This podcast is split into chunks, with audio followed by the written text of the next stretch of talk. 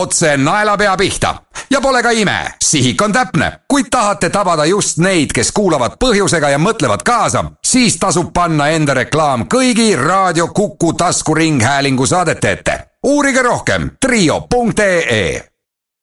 tegelikkuse keskus. see on saade, mis ei pruugi ühtida Kuku raadio seisukohtadega www.silmalaser.ee tänu Silmalaserile sai saatejuht Juku-Kalle Raid lõpuks ometi teada, kus Kuku raadio on tervist, hea kuulaja! tegelikkuse keskus alustab ja äh, kes on nädala jooksul viitsinud veidikene välisuudiseid jälgida, siis ei imesta, et me oleme teemaks võtnud äh, rahvarahutused. rahvarahutusi on ju mitut äh, liiki, need võivad olla kurvad, aga need võivad olla väga lõbusad.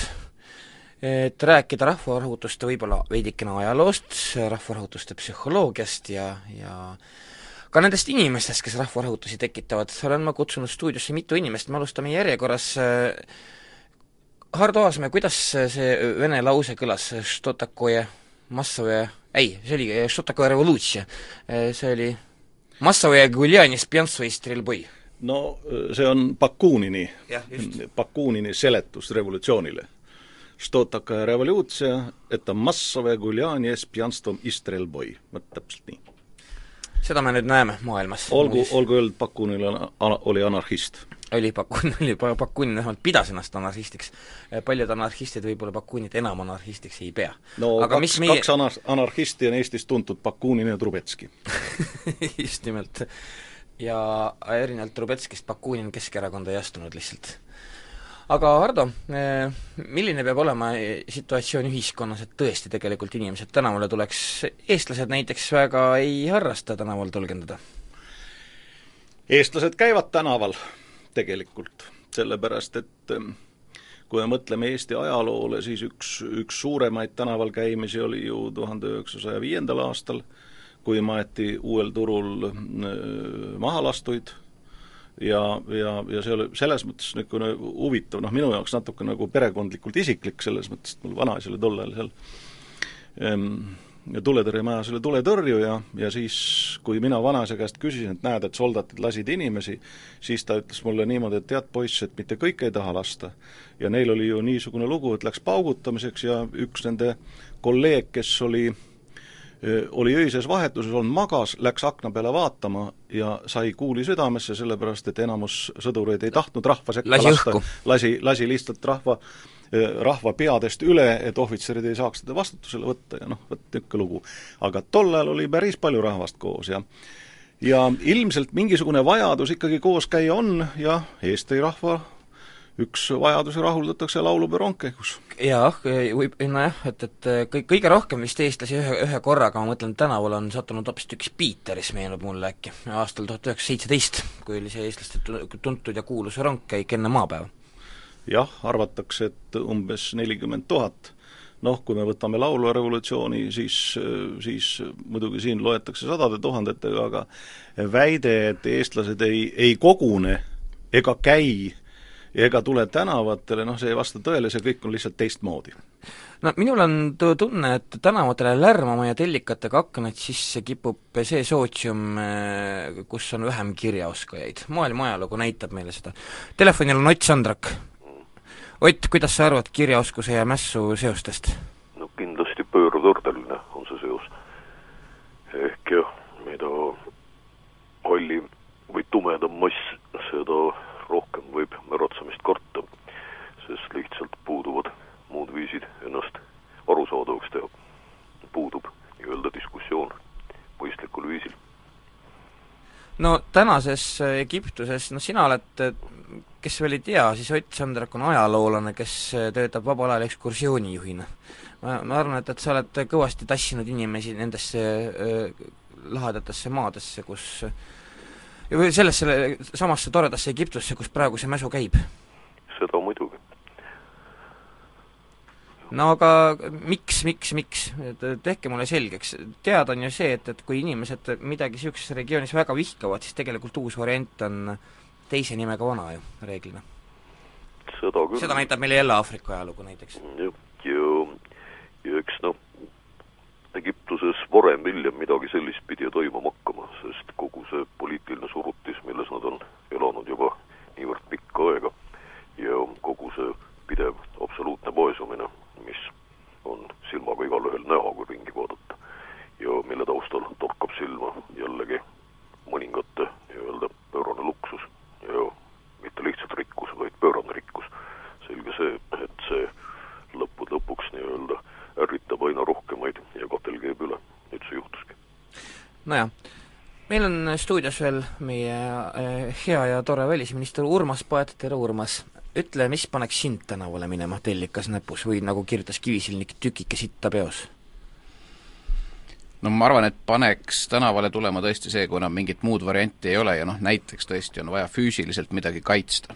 et eh, ma arvan, et see võiks olla selline selline põhjus, et kui tõesti mingi muu võimalus enam ei aita, aga, aga ma arvan, et neid võimalusi siiski, mida kasutada enne tänavale minekut, on ka piisavalt. no näiteks, sa mõtled jälle seda toredat äh, sõnavabadust? no ma mõtlen jah, ennekõike sõnavabadust ja, ja kõike, mis on ka sellega seonduv, et, et niikaua, kuni ikkagi ühiskond on enam-vähem mõistuse juures ja, ja ühiskonnas on inimesi, kellega on võimalik sõnadega asju klaarida, et, et noh, nii kaua see vajadus tänavale minna püsib suhteliselt väiksena, et, et ka seesama Eesti eripära, mille kohta sa alguses küsisid, noh eks ka muu maailma silmis ongi see, et Eestis neid inimesi, kes lugeda ja kirjutada oskab, on eh, ju ikkagi väga palju, kui me vaatame üldist maailma konteksti. ja eks ka see oma mõju avaldab. nojah, kui me mõtleme kas või eh, raamatute tiraaži peale ühe inimese kohta, siis vist on küll tõesti Eesti maailmast kõige esimene tähendab mitte vist, vaid päris kindlasti. aga üks asi on jah, mingit asja seletada lihtsalt kirjaoskuse puudumisega, aga teine, teine asi on ju ka niisugune lugu, nagu on äh, rahvuslik temperament ja ja sina oled ka suhteliselt palju ju ringi käinud maailmas, et eks, eks seegi mängis siin oma rolli, noh, minagi olen vaadanud Kaukaasias suure hämmastusega väga intelligentseid inimesi, kes mingil puhul võivad täitsa segi peast minna, sest temperament käsib eks jah, see nii-öelda vere liikumise kiirus ja, ja ka kultuuriline taust oma rolli kindlasti mängib, et, et ka siinsamas Euroopas me ei pea isegi minema kaugemale Kaukaasiasse, me võime vaadata ka sõbralikke Euroopa Liidu riike, kus ikkagi mida lõuna poole, seda tihedamad on ka massilised meeleavaldused, üldstreigid, et ka siin alles detsembris, kui ma käisin äh, Roomas, siis võttis mind seal ka vastu Berlusconi vastane noh, suhteliselt kurjaks läinud meeleavaldus, kus ka kesklinnas inimesed purustasid poodide aknaid ja, ja loopisid üksteist ja politseid kõikvõimaliku kätejuhtuvaga, nii et eh, eks kindlasti jah, see temperament, kultuuriline taust mängib ka siinsamas Euroopa sees sellist rolli, et see pilt riigiti on väga erinev. kaks tuhat kuus, kui, kui Budapestis tulid inimesed tänavale, et protesteerida Äh, valitsuse vastu, mida siis toona juhtis niisugune äh, tore peaminister nagu Jüršani, kes oli vana komsomolitöötaja, siis ma täheldasin, ol-, olles seal ise kohal, äh, täheldasin huvitavat asja, et isegi kui Jüršani valitsusväed rahvast ründasid, siis poodide aknaid ei lõhutud. ainukene asi, mis lõhuti ära, oli Jüršani partei peakontori aknad ja tihtipeale tõesti tegelikult ikkagi kipub minema just poodide lõhkumiseks, justkui oleks kaupmees äh, mi-, milleski süüdi. normaalsed inimesed ta-, lähevad, võtavad ju tegelikult Egiptuses vist minu meelest kõrtse pole lõhutud, Hardo? no ega siis noh, nemad on niisugused kauplejarahvas, eks ole, teatavasti keskaegses Tallinnaski oli kaupmehe vara kallale minek ja ja kaaludega võltsimine oli kõige suurem kuritegu, see oli, see oli suurem patt kui kui näiteks äh, tapmine ja, ja ses mõttes ja kuna keedeti ära viimane venelane Tallinnas Raekoja platsil, see oli kaaludega võltsimise eest? jah, tõepoolest, see oli, see oli juba peaaegu et uusaja algul. see oli seitsmeteistkümnenda sajandi lõpp. mille peale venelased Novgorodis jälle keetsid hulga saksa kaupmehi ära, nii et noh, sel, selle, selles, selles mõttes keetmise ahelreaktsioon Rah-, rahvuslikku suppi no tänasel päeval asendatakse diplomaatide väljasaatmisega, kui tohib üldse nii, nii õelalt nalja visata, aga, aga need tavad, ütleme, mis on oma igas kultuuris, need on ikkagi üsna erinevad, kui me vaatame niisugust võimalikku meele avaldamist ja ja ma olen lugenud niisugust üsna üsna head ülevaadet seitsekümne aastate, seitsmekümnendate aastate alguses, kui Prantsusmaal olid üldstreigid ja, ja Inglismaal oli söetööliste ja dokitööliste streik. Streikis umbes kakskümmend tuhat inimest, nüüd, nüüd kuulake, nagu öeldakse, numbreid. ja siis kirjeldus on selline, kakskümmend tuhat töölist streigivad. Bobid on mornid, inimesed on väga tõsised ja, ja tundub, et riigis on midagi juhtunud ja piisas vaid ületada La Manche'i, kus streikis kaks miljonit inimest Prantsusmaal ja hommik algas sellega, nagu oleks rahvapidu. kõigepealt astuti kohvikutest ja õlletubad ja veinitubadest läbi ja siis keskpäeval hakati kogunema demonstratsioonideks, siis võeti, võeti lipud ja loosungid, oli täpselt teada, kuhu minna, mida teha. Eh, kui saabus lõunaaeg, läksid demonstrandid laiali kohvikutesse ja söögitubadesse ning õhtul hämaruses, kui jällegi noh, ütleme, niisugune ilm läks veidi jahedamaks. täis ja, ja, ja kilk peas. ja, ja koguneti uuesti. ehk teisisõnu öeldes, et eh, sisuliselt, eh, sisuliselt noh, kui ei teaks, milles on asi, siis ütleme, suhteliselt asjatundmata inimene ühe korraliku Prantsuse üldstreigi võiks segi ajada suure rahvapeoga, nii nagu ütleme, Hispaanias on see meesaaeg, kus on nädal aega öösiti, on need rongkäigud, nagu Ku Klux Klanil kõik need peakotid peas ja, ja, ja, ja, ja suur, suur vahva etendus, aga öine, päeval magatakse. Nojah, mulle meenub sellega üks Monty Pythoni sketš, mis ironiseeris äh, tuntud vasakpoolse Sartri üle kus siis oli see, et kuidas satutakse külla Saartri juurde ja Saartri vanaproua teeb ukse lahti ja hakkab kurtma, et eh, kohe paga-, hommikul, kui võtab paar napsi, läheb kohe agiteerimiseks, kodanlus siin ja kodanlus seal. ja kui meil kitsi ei oleks, siis me uppuksime üldse propaganda sisse ära ja siis noh, nurgas oli lendlehti sööv kits aga Ott, kuule eh,, ütle mulle, sa olid see inimene, kes kunagi rääkis äh, enam-vähem suhteliselt avalikult, äh, ütles, et, et sa oled võimeline tegema tabeli, kui suur on tänavale äh, tulemise laamendamise oht seoses kirjaoskusega? no päris tabelit vast mitte, ma ise küll ei mäleta, et ma oleks seda võitnud no,. aga õiged on, et noh, kirjaoskus ja temperament ja kolmas asi on kliima kindlasti. sest kui vaadata, siis no Eestis ei saaks nagu talvel õues. jaa, liiga külmal maal need tavaliselt toimu ja seal, kus on parasjagu noh, roiutavalt palav, seal ka ei toimu. ehk selleks on vaja just nimelt niisugust soodsat mõnusat ilma ja võimaluse korral nii päeval kui öösel, et siis on paras nagu tegutseda. no pane sinna juurde ka veel jah, praegu on paras jaheaeg märatsemiseks, kui nii võtta. suvel pane... suure kuumaga, kes viitsiks. ja pane sinna juurde veel ikka rahvastiku tihedus seda kindlasti. hõreda rahvastikuga aladel on inimesed saavad lohakamalt kokku, inimesed saavad lihtsalt lohakamalt kokku, vaata, et kui nad elavad nagu kärbsed üksteise kukil, siis neil on lihtsam algatada sellist, ütleme, kollektiivset äh, veini joomist, millele pannakse poliitiline silt pärast külge. no seoses Egiptusega tahaks meelde tuletada, mida ütles üks mu sõber kunagi, kui me olime õhtul hilja Tunise linnas ja ütles, vaata ümberringi, kui palju noori vihaseid mehi ja kõik nad on jumala kained. ehk erinevalt Bakuni retseptist Egiptuses see kõik käib praktiliselt kaine peaga. ja erinevalt ka nii-öelda ütleme kas või Itaalia ja Kreeka analoogidest, kus päris kaine peaga seda poliitikat tänapäeval tavaliselt ei tehta. aga Egiptuses jah, kõhe mõelda, see on kaine märatsemine.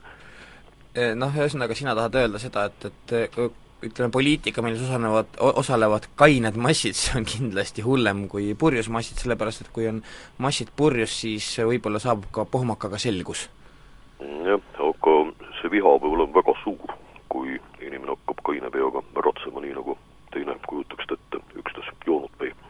ehk ütleme kas või ka meie mitmesugused rahutused, mis on muutunud vägivaldseks Eesti ajaloos, nende kõigiga on tavaliselt kaasnenud käraka kuritarvitamine asjaosaliste poolt, ükskõik kas viiendal aastal või Mahtras või muud taolised, ega meil vägevamaid asju polegi ette näidata, noh. Eestis on rahutusteks nimetatud lihtsalt seda, et rahvas on ärevil, liiguvad kuulujutud ja räägitakse nagu äkilisi ässitavaid jutte, see on olnud Eesti tähenduse rahutused no. märatsused, see on imeharva juhtunud. on jah, et, et ma tuletan ka meelde võib-olla eh, kui sa siin äh, rääkisid käraka kuritarvitamisest, siis seitsmeteistkümnendal aastal, kui punamadrused äh, olid noh, enam-vähem siin Tallinnas valmis mässama hakkama, siis nende enda otsesed sõjaväelised äh, ülemused kaitsesid Tallinnas merepuistul asunud piiritusladu. Kõige esimese asjana. tegelikkuse keskus.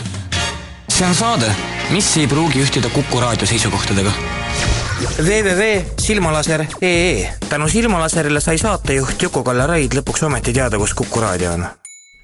tegelikkuse keskus jätkub, äh, telefonil on ajaloolane Ott Sandrak, Juku-Kalle Raidi kõrval istub välisminister Urmas Paet, meil, mul on teile uudis, vahepeal on kaduma läinud majandusgeograaf Hardo Aasmäe.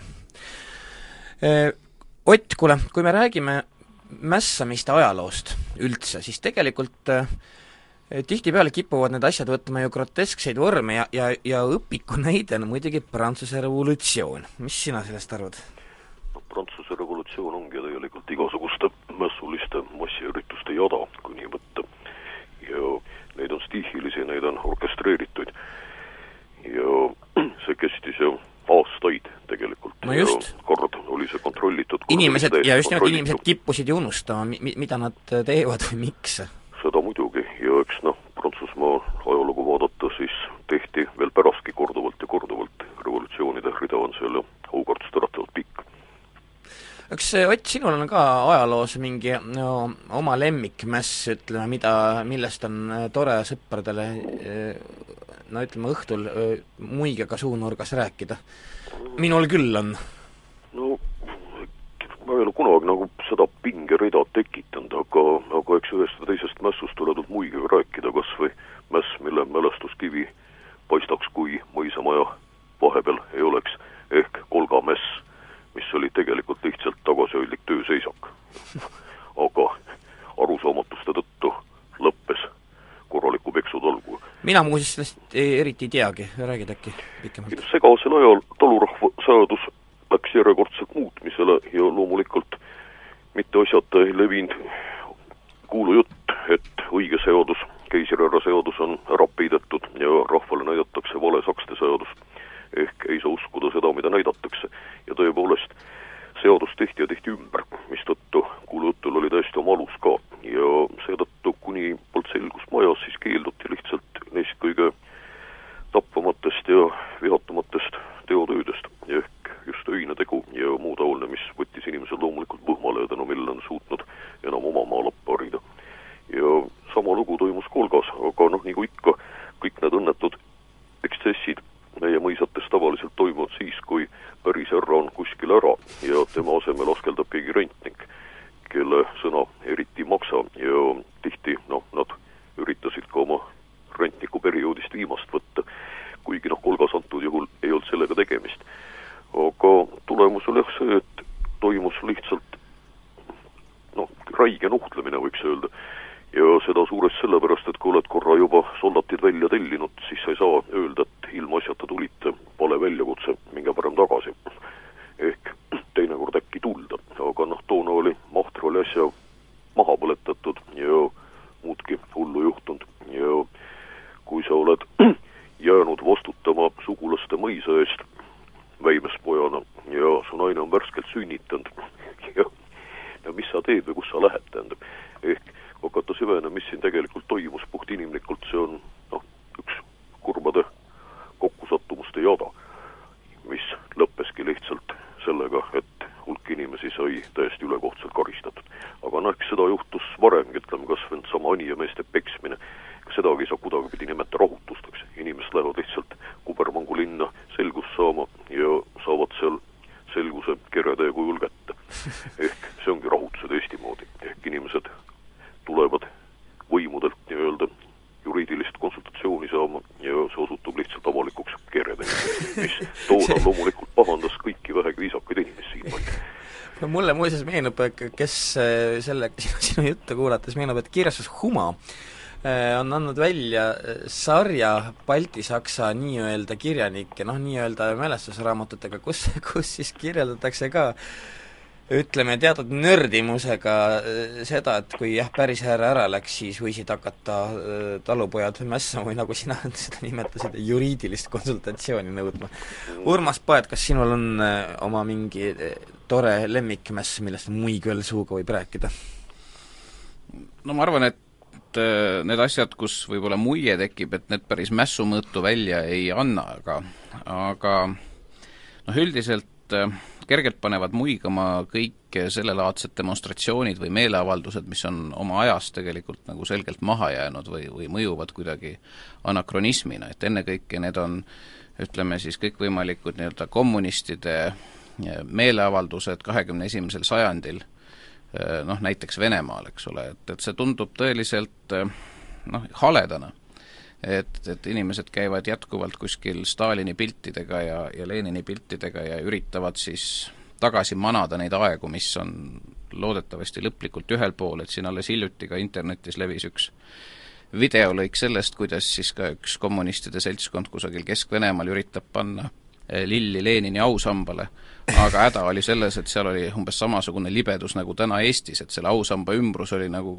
kiilas jääga ja ütleme nii, et ligipääs läks sinna väga vaevaliselt aga mingi vanaait ikka nelk käes roomas kohale, see oli väga naljakas video, nii et ütleme, et noh, sellelaadsed eh, meeleavaldused siis eh, noh, pigem mõjuvad grotesksena, jah mulle, mulle meenub oot-oot, et, et see oli niisugune tore Moskva ajaleht, mille pealkiri on Snova VSSR, täiesti iganädalane ilmuv ajaleht, kus äh, Vene kommarid lubasid Lenini matmise kohal, vaata siin teinud, tehtud Venemaal ka küsitlusi, et noh, et enamus inimesi noh, ütleme, mataks Lenini maha, lubasid ta üles kaevata ja tagasi asetada no,. Neid üleskaevamisi ju ka kahjuks, mis ei ole küll nii naljakas, aga on paraku ka toimunud hiljaaegu erinevates riikides, hiljuti ju siin üks aasta tagasi varastati ära Küprose endise presidendi surnukeha näiteks käis selline teade paraku läbi surnuaiast, nii et kahjuks ka selliste imelike asjadega mõnedes maailma paikades inimesed tegelevad. ikka jah, et ühiskond õnneks juba piisavalt väike, me saame sellest teada, nii et, et eh, lust jätkub kauemaks, eks ole ju, Hardo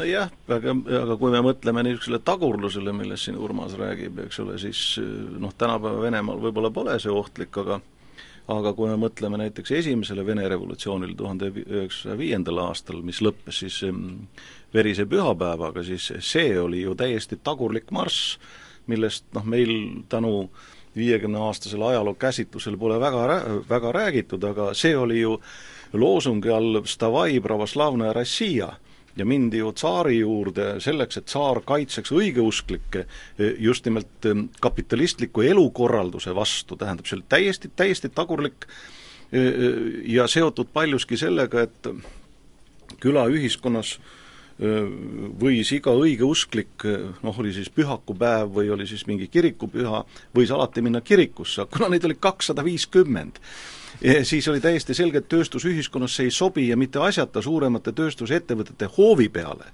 ettevõtete territooriumile ei ehitatud ju kirikuid, mitte sellepärast, et et ütleme, need omanikud oleks väga usklikud olnud, aga see oli lihtsalt üks võimalus, kuidas mingil viisil paremini distsiplineerida või kaasajastada valdavalt kirjaoskamatut proletariaati. ja, ja tookord keeras see asi ikkagi täitsa hulluks, nii et noh, selles mõttes niisugune tagurlikkuse nõudmine ühelt poolt, kui ta on niisugune väiksearvuline, siis tõepoolest võib, nagu öeldakse, imetlusega seda või muheledes vaadata, aga mõnikord on ta pööranud noh, päris, päris hulluks ja ega Egiptuses on täpselt samamoodi, sellepärast et kui siin Ott räägib sellest, et, et nad on seal, märatsevad kainelt, siis äh, ei ole välistatud see, et terve hulk on neid usust joobnud ja, ja, ja see ei ole üldse mitte, see ei ole üldse mitte parem joobumus, sest see ei lähe üle. vaimne joove ja just nimelt, et, et, et ütleme jah, me ei tea kõik, millega see lõpeb, Urmas tahtis midagi no kui Egiptuse jah, täna, tänastest ja viimase nädalate sündmustest ja paraku sündmustest, mis jätkuvad ka rääkida, siis seal on ju tänavatel tegelikult ikkagi väga erinev seltskond, et on neid, kes on, kes tahaksid näha tõepoolest sellist tõsist islamiriiki tulevikus ehk moslemite vennaskond ja tema toetajad, kes on ka väga hästi organiseerunud opositsioonijõud, mis sest, et aastakümneid on neid üritatud seal välja juurida ja suretada, ja teisalt siis teine äärmus on siis noh, kõikvõimalikud need tegelased, kes tahaksidki, et Egiptusest saaks selline läänelik riik. Nende nõrkus on muidugi see, et neil tegelikult ühiskonnas selline hästi korraldatud võrgustik ja, ja struktuur puudub, mis on sellesama moslemite vennaskonna tugevus, nii et nii et, et need on täna seal koos siis ajendatuna Mubaraki vastasest tegevusest, aga aga samas sellel hetkel, kui Mubarak tõesti peaks taanduma või ta õnnestub maha võtta, siis need kaks seltskonda muidugi just nimelt, enam sõbrad ei ole. just, et, et üldiselt seda plaani B e, ju tegelikult neil ei ole või noh, neil ei ole no, eks, nagu eks neil oma, oma visioon kindlasti on, aga, aga ma arvan, et sellest plaanist B ongi selles mõttes väga keeruline rääkida, et sellel kohe automaatselt tekib igasuguseid nii-öelda võimalikke alajaotusi.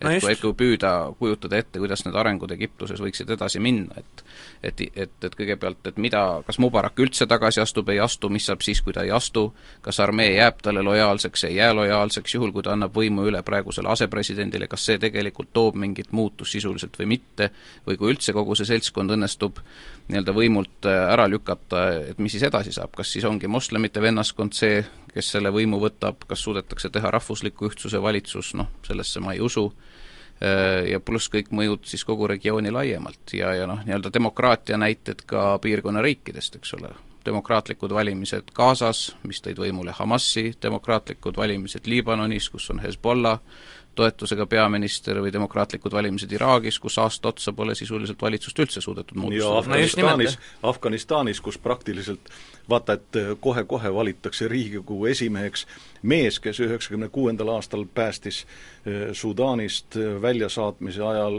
Osama bin Ladeni, kes on, kes on noh, kui, kui üldse keegi on niisugune äge ja läänevastane, siis just tema ja noh, ja, ja, ja me oleme paradoksaalses olukorras, et Lääs paneb sinna miljardeid selleks, et seda kuidagi seal vaos hoida ja ja noh, ma Pakistanist ei hakka üldse rääkima.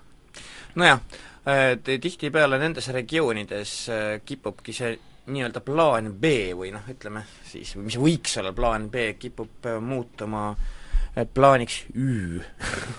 No hea on, kui on plaan Ü, see kõlab ka, et suhteliselt selgelt on mingi plaan, aga jah, häda on selles, et seal on neid muutujaid täna nii palju ja neid potentsiaalseid äh, võimalusi, et noh, täna või eile siin Iraan juba rõõmustas, et ohoo, et tore, et me saame Egiptuse näol varsti omale liitlase, kes jagab meiega just, sam-, sama vaadet ja Egiptuses endas tegelased ütlevad, et kuulge, et see rahuleping Iisraeliga, see on üks suur viga, mis tuleb kiiresti parandada, et sellist lepingut ei ole mingil juhul vaja ja täna lasid gaasijaotusjaama õhku, et Iisrael ei saaks gaasi ja, ja on olukord, et et kuna niikuinii Egiptus kaotab kolmsada noh, miljonit või kolmsada kümme noh, öeldakse, dollarit ööpäevas ainuüksi nende segaduste tõttu, nüüd kui see gaasi ka müüa, siis tegelikult need, kes tahavad võimu võtta, need, kes töötavad põhimõttel, mida halvem, seda parem, see tähendab just nimelt see islami seltskond, siis noh, nad ajavad ju valitsuse nurka varsti juba kas või sellega, et lihtsalt raha pole. noh, tä-, ja sellega no on just... tegelikult iga võimalik uus valitsus ka nurgas, et kui turismitulud Egiptusel ära kaovad, eks ole, kui tekib raskusi näiteks ka Suessi kanali majandamisega, needsamad gaasi, nafta eksport,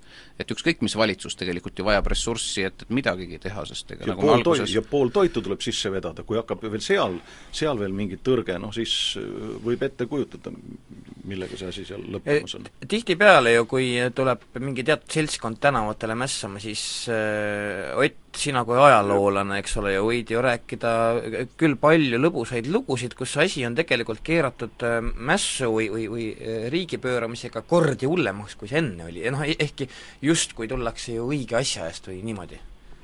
no see on üsna tavaline, et asi lõpeb sellega, mida mitte keegi poleks tahtnud. ja eriti, kui sündmusi kannavad massid, kes ise ka sugugi ei tea, mis on toimumas või mida nad õieti tahaksid.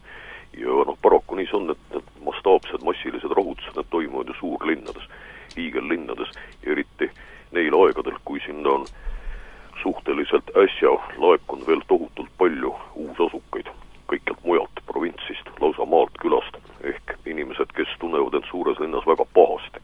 Nad saavad aru, et neil ei ole seal õieti midagi teha, neid seal õieti keegi mitte millekski oodanud. tagasi minna ka nagu häbi ja mõttetu ja kokkuvõttes oledki rahulolematu, kiristad hambaid ja lõpuks plahvatad. ehk ükskõik, kas omaaegne Pariis või Peterburi või Kairo tänase seisuga, seis on ju praktiliselt sama. ehk totaalne üleostatus ja tohutu mass rahvast, kelle jaoks linnaelu on üldse alles midagi väga uut ja kes ei ole lihtsalt puhtfüüsiliselt suutnud sellega kuidagipidi kohaneda. ja seetõttu noh, võiks öelda, alateadlikult nii-öelda vihkavad kõiki ja kõike, sealjuures iseennast kah, et oli mul vaja siia tulla, aga ei tea, mida peaks nagu tegema, et oma olukorda parandada no. Selle... see ongi kõige plahvatuslikum mass. Nojah, selles on muidugi veel eh, see asi ka, et kui inimesed asuvad tegema nii-öelda oma isiklikul nahal, ütleme, ümber eh, pesitsemist ja, ja muutma inimgeograafiat, elik siis tulema kogu suguvõsaga koonduma kuhugi kohta, siis tegelikult on ju päris selge, et nad uues kontekstis ei oskagi midagi teha. ei no ongi Sa... ja mõelgem kas või demograafilisel aspektil no, et paar sajandit tagasi elas Egiptuses kolm miljonit inimest.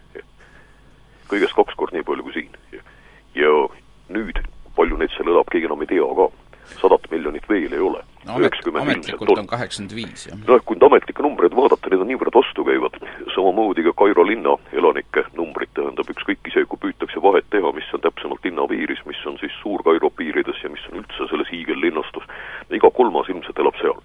ja nii või naapidi, see on maailma üks kõige tihedamalt rahvast täis topitud koht. ja kui vaadata, mismoodi nad seal elavad, kui kolistada veidike mööda linna ääri või ka südalinnas sees, vaata, mismoodi inimesed elavad keskaegstel surnuaedadel ja nii edasi. neli miljonit muide. jah, siis pole midagi imestada, et see kõik mingil hetkel nõnda vastu taevast lennab. pool miljonit veel prügimägedel. jah, täpselt. no just, ja aga asi on ju selles, et mm, inimesed äh, liiguvad, mis on ka muuseas igasuguse mässu alus jah, et need satub korraga palju ühte paika, kus nad on midagi justkui lootnud. Elik siis tavaliselt inimesed loodavad lihtsamat elu Äh, aga, aga, aga kui juhtub midagi täiesti vastupidist, siis noh, loomulikult läheb tuju halvaks, eks ole ju. no demokraat, demograafia puhul Egiptuses isegi tegelikult ei pea vaatama, kuigi see on väga drastiline, et kahesaja aasta eest oli seal kolm miljonit inimest, vaid kolmkümmend aastat tagasi oli Egiptuses elanikke poole vähem kui täna, et umbes nelikümmend millegagi. jah, või isegi alla selle veidi. jah, mis näitab seda, et, et tegelikult ka tänases ühiskonnas äh, ju väga suur osa on noori inimesi, kellel ei ole haridust, kellel ei ole mingisugust vara, kellel ei ole tööd, ehk neil ei ole ka mitte midagi kaotada. no jaa, ja neil ei ole enam seda maatükki ka, ütleme, kus nad on tulnud, kus nii-öelda siis oma kaalikat kasvatada, eks ole ju, ja loomulikult siis lõpuks kollivad inimesed parafraseerides Arnold Rüütlit suurte hulkade ja, ja suurte hulkadena ja kiiresti prügimäele ja muidugi meil on mõnes mõttes võib-olla sellest Egiptusest ekslik kujutelm, kuna temast räägitakse kui Araabia maailma juhtriigist ja nii edasi ja nii edasi, siis kui me vaatame Araabia maailma tervikuna, siis kirjaoskamatuse tase on kõige kõrgem Egiptuses ja Jeemenis. ja kõik ülejäänud Araabia maad on palju äh, noh, toimekamad nelikümmend prossa on kirjaoskajaid umbes, eks ole ju? eks need numbrid ka natuke varieerivad, oleneb kelle, kelle statistikat sa usud, aga just, just aga, aga... paar päeva tagasi oli, ma sattusin nägema ühte võrdlust Iraani, mis on ju läänemaailma silmis, eks ole, väga jube koht täna, Iraani võrdlust Egiptusega. ja kõikides olulistes ühiskonna arengu nii-öelda näitajates, sealhulgas seesama kirjaoskus, elatustase, nii edasi, Egiptus jäi selgelt näiteks Iraanile alla no Pärsia on läbi ju tegelikult sealtkandi kõige tsiviliseeritum no ühiskond ja kusjuures see, mida me islamikultuurina tunneme, see ei ole mitte kõrbes toodud, vaid see on tegelikult pärslastelt õpitud. Äh, just nimelt, et, et me võime rääkida ka nendest äh, rahvakildest, nagu on Lõuna-Aserbaidžaan ja nii edasi, ei ole tegemist sugugi äh, mingite rumalate indiviidide kogumikuga, eks ole aga iseenesest sealkandis Põhja-Aafrikas, Araabia nii-öelda Põhja-Aafrikas, ka sellel aastal on potentsiaalset pinget ju palju sisse kodeeritud, nii et üks on täna see, mis toimub Egiptuses, selle mõjud eh, naabrite juurde, aga on ju täiesti nii-öelda legaalne protsess, vähemalt rahvusvaheliselt legaalne protsess käimas, ehk Sudaani poolitamine sealsamas kõrval, kuhu on ka ju terve rida pingeid iseenesest sisse programmeeritud. ja see muuseas on Hardo Oosmäe lemmikteema, ma kujutan ette, et, et me veel kuuleme Lõuna- ja Põhja-Sudaani lahkuminekust. stuudios on muidu Juku-Kalle Raid, Hardo Aasmäe, kes on majandusgeograaf, Urmas Paet, kes on välisminister, Ott Sandrak, kes on ajaloolane. tegelikkuse keskus. see on saade, mis ei pruugi ühtida Kuku raadio seisukohtadega www.silmalaser.ee tänu Silmalaserile sai saatejuht Juku-Kalle Raid lõpuks ometi teada, kus Kuku raadio on jätkame Tegelikkuse Keskust ja räägime täna äh, rahvakogunemiste äh,, revolutsioonide ja mässude ajaloost ja võib-olla siis isegi psühhograafiast. on olemas meil telefonil ajaloolane Ott Sandrak ja stuudios on majandusgeograaf Hardo Aasmäe ning välisminister Urmas Paet lubasin enne reklaamipausi pidulikult, et äh, peatume kohe Sudaanil, äh, mis teatavasti on just nimelt seaduslikult pooldunud äh, referendumi teel, või noh, pooldumas õigemini, ähvardavad, et, et Lõuna-Sudaan eraldi riigina peaks hakkama eksisteerima, minu meelest oli see üheksas juuli Ardo, oli nii või? noh jah, üheksandal juulil nad peaks tegema, aga noh, seal on muidugi see asi palju keerulisem, mis pole meie tänane teema, seal on näiteks siin on see Tuneesiast rääkida e,. E, näiteks Lõuna-Sudaanis on viimastel päevadel olnud relvakokkupõrkeid nende e, Sudaani väeosade sees, kes esindavad Põhja-Sudaani ja seal on probleem selles, et Nad ei et, taha seda Põhja-Sudaani väga esindada, asi on selles et... ei, seal on lihtsalt, et terve hulk neid Põhja-Sudaani vägedes olevaid sõdureid ja ohvitsere on ise Lõuna-Sudaanist pärit ega taha põhja tagasi minna no. ja nüüd vaidlus on relvastuse pärast, kellele jäävad kahurid, kellele no selle suure jaotamisega oleme varemgi näinud, kuidas nii-öelda jama tekib ja, ja seal, kus ka on suur oht, et Lõuna-Sudaani näol tekib ikka kohe algusest peale läbikukkunud riik. et et, et need vastuolud on väga mitmekihilised, et, et tegelikult sealsamas nii-öelda Põhja-Sudaani või siis tulevase Põhja-Sudaani pealinnas ka nende Egiptuse sündmuste taustal siin alles mõni päev tagasi toimusid ka Bashiri vastased meeleavaldused, samal ajal on Lõuna-Sudaani äh, referendum, põhjasudaanlased, kes siis on sattunud Lõuna-Sudaani ja vastupidi, need on rahulolematud, pluss siis kõik veel nii-öelda tulevikuplaanid, kuidas äh, vara jagada. no vot, see on ka see äh, rida, et, et kui ühes Sudaani osas on, eks ole ju äh, nafta ja, ja, ja teises on sadamad, siis sinna on ju konflikt iseenesest sisse kirjutatud. jah, aga meil on see ju väga tuttav, eks ole, Eesti taasiseseisvumisele sama, samasugune lugu, et terve hulk, kes jäi nii-öelda siin meie lõunasse ehk Eestisse, polnud ju rahul sellega ja ja oli ju probleeme nendega, kes jäid ju Venemaale ja ega siis, ja vara jagamine, ega see on meile kõik ju üsna tuttav. aga meil võib-olla oleks põhjust peatuda siiski korraks Tuneesial, mis on täiesti eripärane riik võrreldes nende kõikide teiste Araabia maadega, sest pigem, kui me räägime demograafiast ja ja haritusest ja ka majandusstruktuurist, siis ta pigem meenutab Äh, tänasel päeval oma madala, erakordselt madala sündivusega, seal ütleme, iga naise kohta sünnib kusagil üks koma seitsekümmend, üks koma seitse last. ja äh, kakskümmend protsenti äh, inimesi, elanikkonnast on kõrgharidusega ja ta meenutab pigem sellist ühiskonda, nagu Prantsusmaal, Itaalias ja Saksamaal oli kuuekümne kaheksanda aasta üliõpilasrahutuste ajal, kus oli väga palju kõrgharidusega noori inimesi, kel polnud rakendust. ja nüüd Euroopas pärast seda oli tehti ümberkorraldused ühiskonnas ja Euroopa riikidel oli seda sisemist ressurssi, millega seda teha.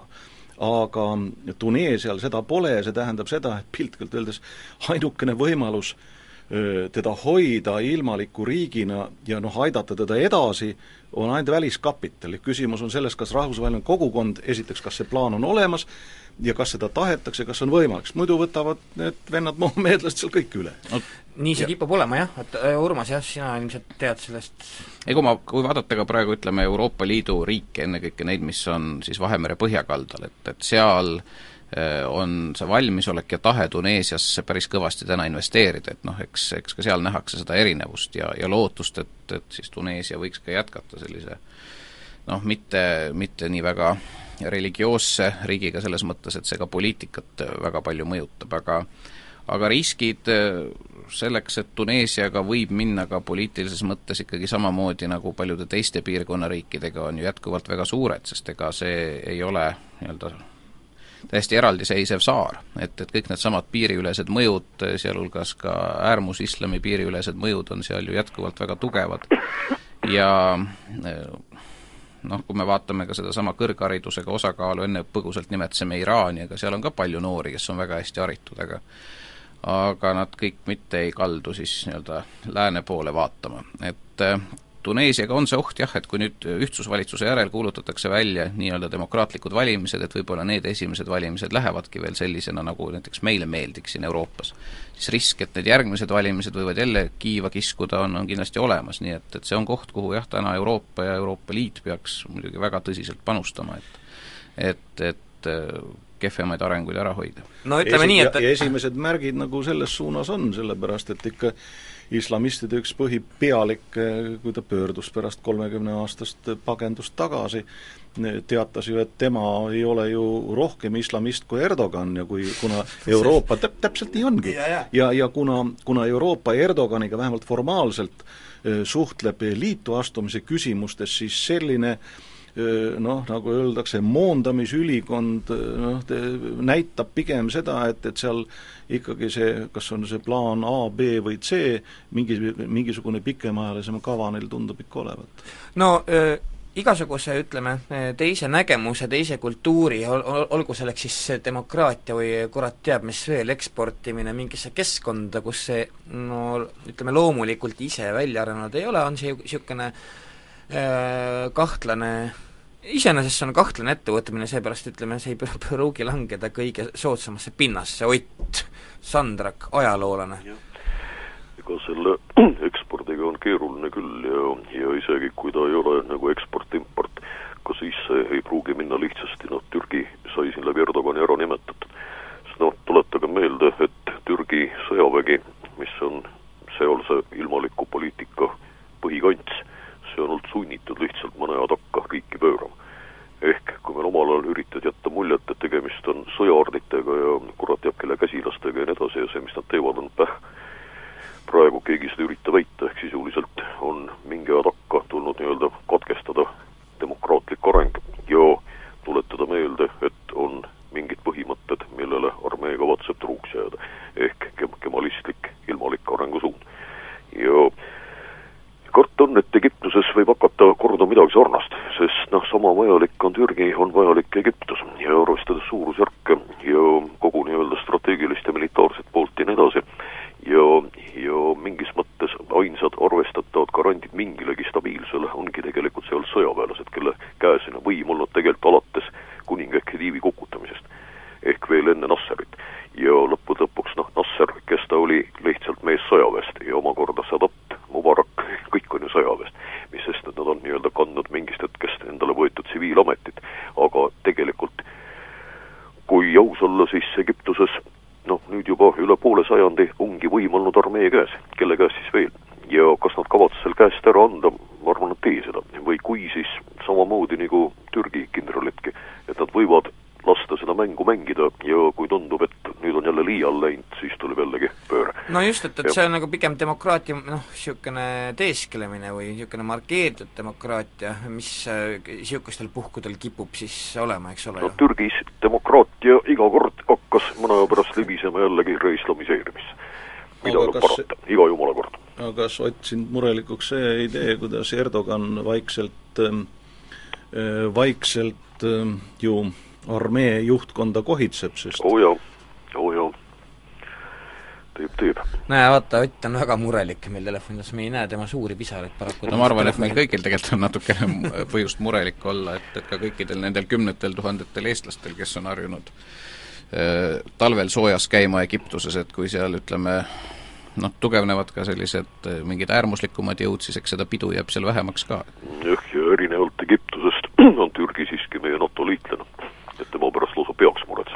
Ja kui mõelda sellele, et praegu ikkagi sadakond juhtivat kas siis tegev kindralit või juhtivat ohvitseri või erus olevaid on praegu kohtu all ja süüdistatuna riigipööramise katses, siis minu nina ütleb küll, et seal vaikselt püütakse seda armee juhtkonna niisugust kemalistlikku monoliitsust õõnestada ja ja muidugi see NATO-lisu, NATO-sus teeb meid tegelikult veel murelikumaks noh, samas kui vaadata, ütleme siin Türgi praeguse valitsuse välispoliitikat viimastest aastatest, siis ta on ka selgelt ju pöördunud äh, äh, piirkonda.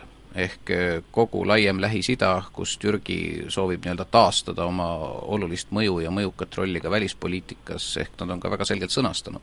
et nende eesmärk on muidugi Türgi selge mõju laiemas Lähis-Idas ja ka see, et oleks null probleemi ükskõik millise riigiga naabruses.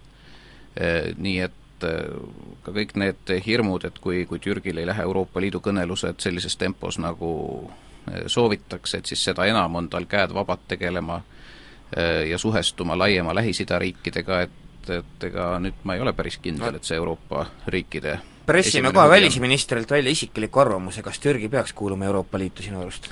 no mina arvan, et teeme samm-sammult, et esimene samm peaks olema see, et, et, et kõnelused, Euroopa Liidu kõnelused Türgiga kindlasti peavad jätkuma.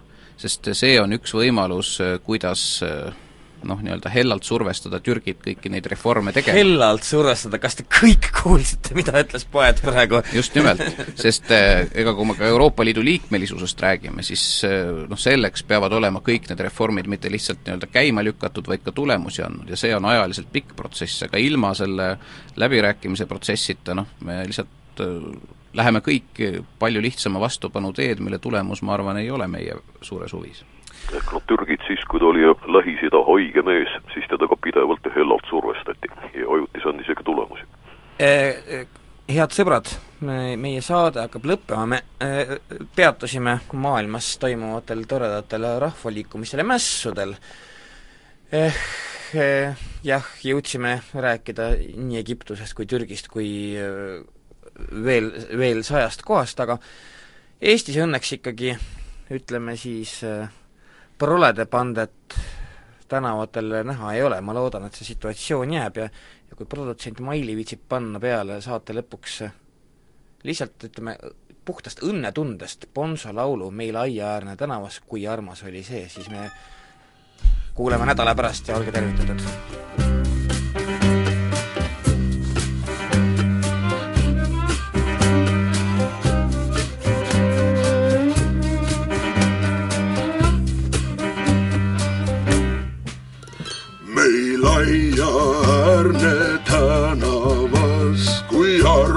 Armas oli see.